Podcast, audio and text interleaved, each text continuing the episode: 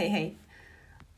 Istnienie Taika Waititi po raz pierwszy skumałam przy okazji What We Do in the Shadows, który był mózgowybuchowy dla mnie, bo w ogóle co tutaj się wydarzyło? Skąd pomysł, aby nakręcić film o współcześnie żyjących wampirach, zabijających skutecznie samotność? A do tego Taika, grając prawie 400-letniego wampira, mówił, że głównie inspirował się swoją matką. Mam wrażenie, że gdy ten reżyser dotknie jakiegoś filmu, to od razu wprowadza do niego więcej dobrego humoru i czyni go zabawnym. To tylko częściowo jest prawdziwe, bo faktycznie wprowadza on dobry nastrój, ale do trudnych i kompleksowych tematów. Chciałabym powiedzieć tym razem o filmie Boy. Już sam trailer jest magiczny, na granicy dziecięcości, pragnień i nierealnych marzeń. A zanim obejrzałam sam film, miałam nadzieję, że to będzie opowieść prosto z mostu, taka, która obnaża to, co udawane, um, opowiedziana z pełną szczerością i z czystym sercem. I nie zawiodłam się, ale, ale ten brak zawodu smakuje jednak gorzko. Mamy oto nowozelandzką wioskę, której beznadzieja miesza się z brakiem trosk, a problemy przykrywa przyjazny klimat. Dorosłych w tym filmie zasadniczo brakuje. Jest tam babcia, która zajmuje się grupką dzieci z różnych małżeństw czy związków swoich dzieci, ale środkowego pokolenia brakuje.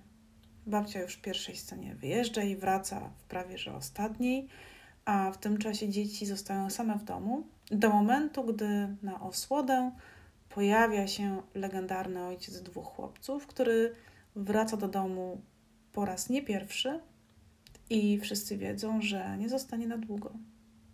I oto w roli ojca e, pojawia się właśnie Waititi z wąsem wraz ze swoimi współgangusami. Zatamawiają się czasowo, ale w konkretnym celu, ponieważ szukają skarbu. Hey, Dad. Hey, Uncle. Wait. Hey, What is looking for? something? What? Worms. Treasure. Ojciec spędza ze swoimi synami czas, ale tylko na swoich warunkach. A im lepiej się poznają, tym więcej dowiadujemy się o ich wspólnych traumach z przeszłości.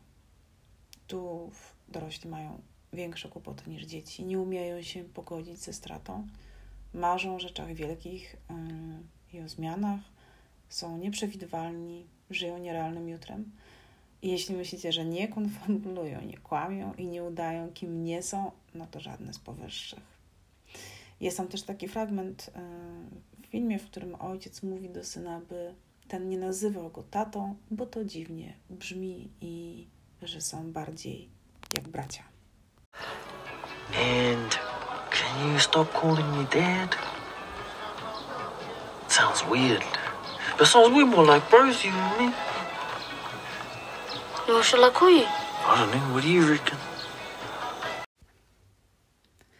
No tutaj jest nowozelandzki angielski, yy, więc dla mnie to też było wyzwanie, yy, żeby oglądać yy, tę opowieść. Natomiast nie tylko ze względu na sam język, ale głównie ze względu na intensywność relacji dziecka z ojcem, która jest obarczona zbyt wielkimi nadziejami.